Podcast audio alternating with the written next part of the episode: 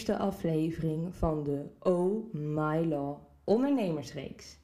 Ik ben Celine Hogenelst, meester in de rechten en de founder van Forum Juridica en Mediatable. In deze podcast spreek ik over de juridische aspecten van het ondernemerschap, de ondernemersmindset en mijn eigen ervaringen als ondernemer.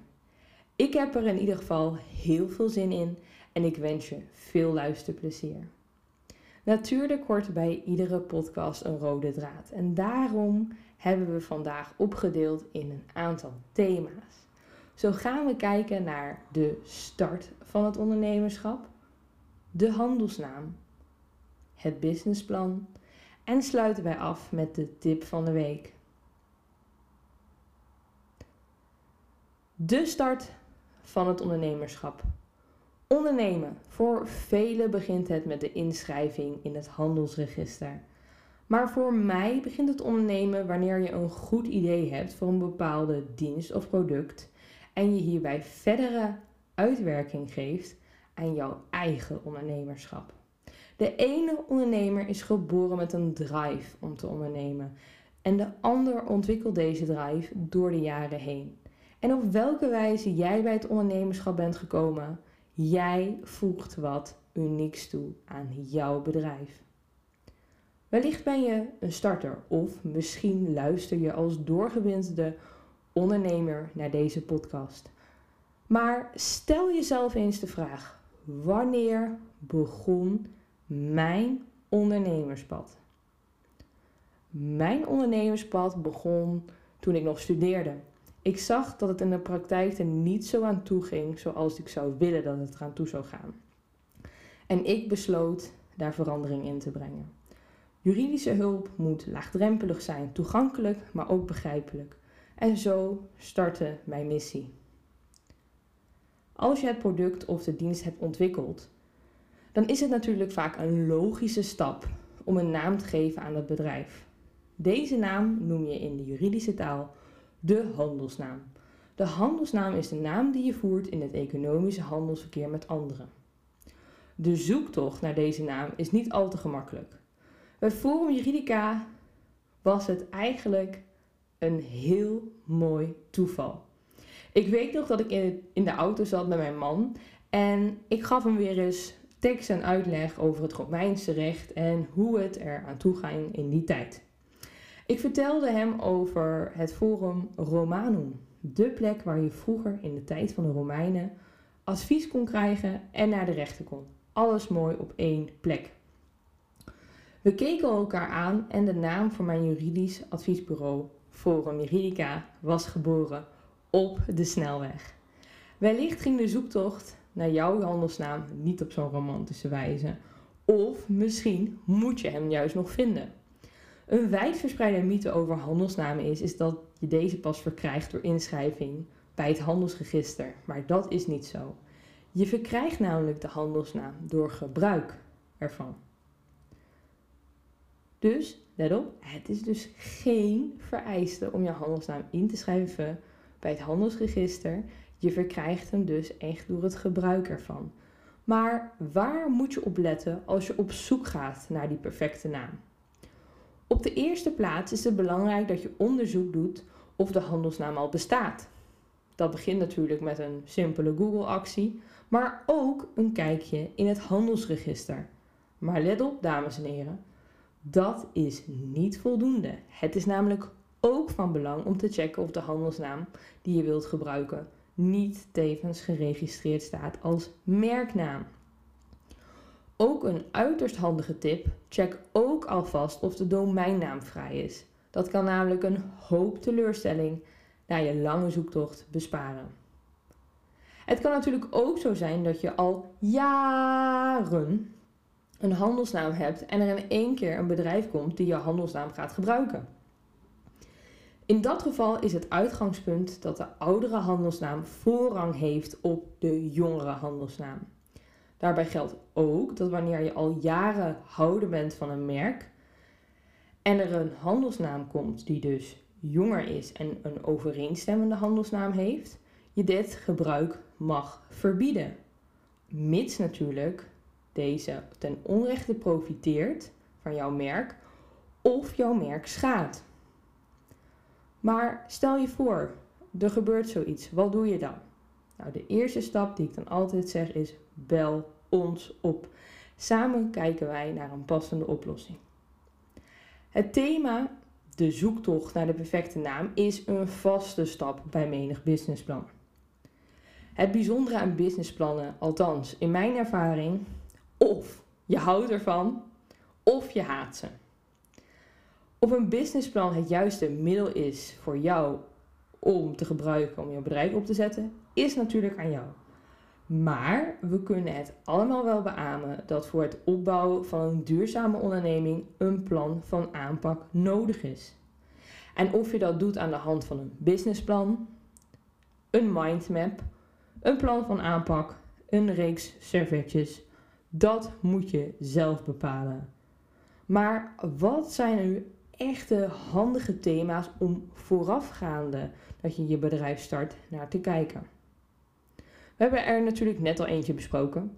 De handelsnaam. Dit is natuurlijk een hele belangrijke. Het beestje moet namelijk wel een naam hebben. Het is daarnaast ook erg belangrijk om je al vroeg bezig te houden met het onderscheidende kenmerk van jouw onderneming. Wat maakt jouw bedrijf ten opzichte van anderen uniek? Wat maakt jouw product of dienst nou zo uniek? En hoe vertaal ik dat in mijn unieke aanpak. Als je dit, al op als je dit in een vroeg stadium al op de rit hebt, dan is het makkelijker om voor de toekomst doelen te formuleren. En krijg je er ook grip op, op bijvoorbeeld met de thema's marketing en design. Je weet waar je heen wilt en je weet wat je daarvoor moet uitstralen. Dat is makkelijker dus om die vertaalslag te gaan maken. Verder is ook het financiële aspect erg belangrijk. Welke kosten komen er op je af? Welke lange termijn, korte termijn investeringen staan op de planning? En in welke mate verwacht ik de omzet binnen te gaan halen?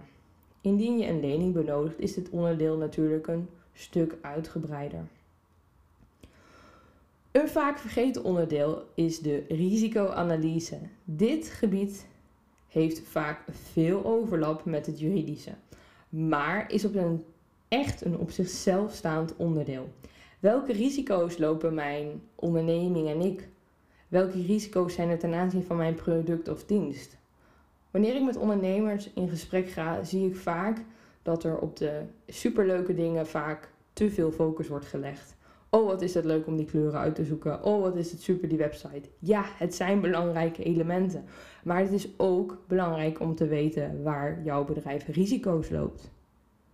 Is, verkoop jij bijvoorbeeld een bepaald product wat uh, geen test heeft ondergaan en zet je het zomaar op de Europese markt? Welke gevolgen kan dat voor jouw onderneming hebben?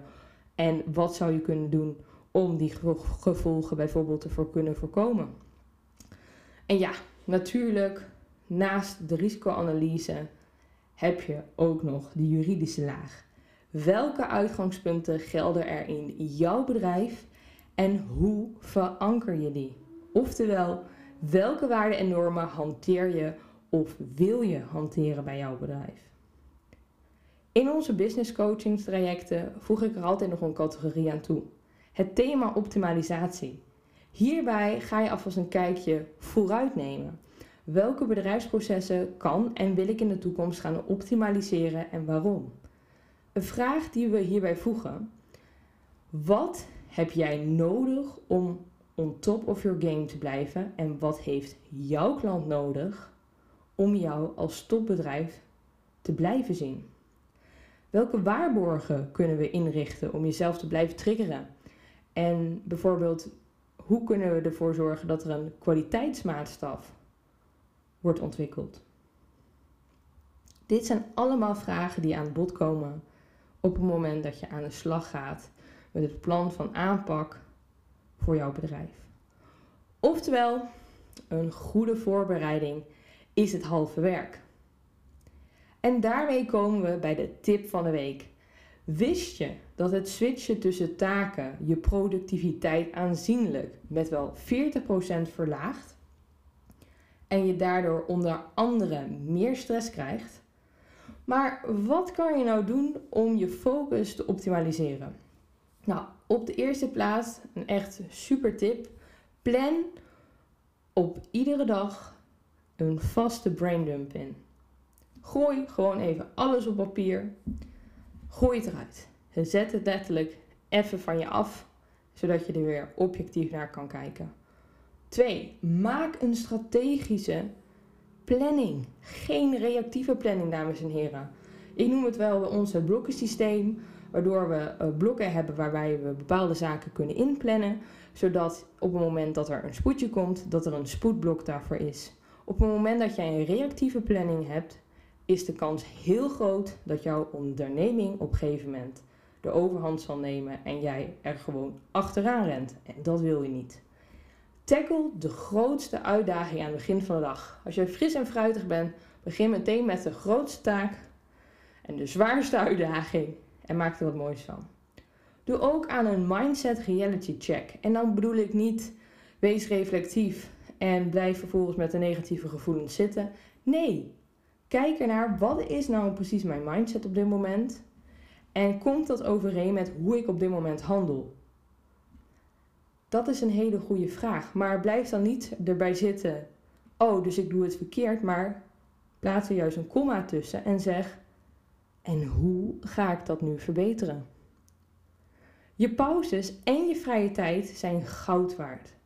Behandel ze te alle tijden met respect. Aan alles komt een eind. En zo ook aan deze eerste aflevering.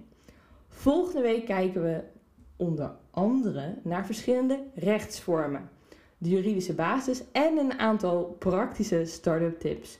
Mocht je een onderwerp hebben dat echt thuis hoort in deze podcast, stuur dan een berichtje. Tot de volgende aflevering.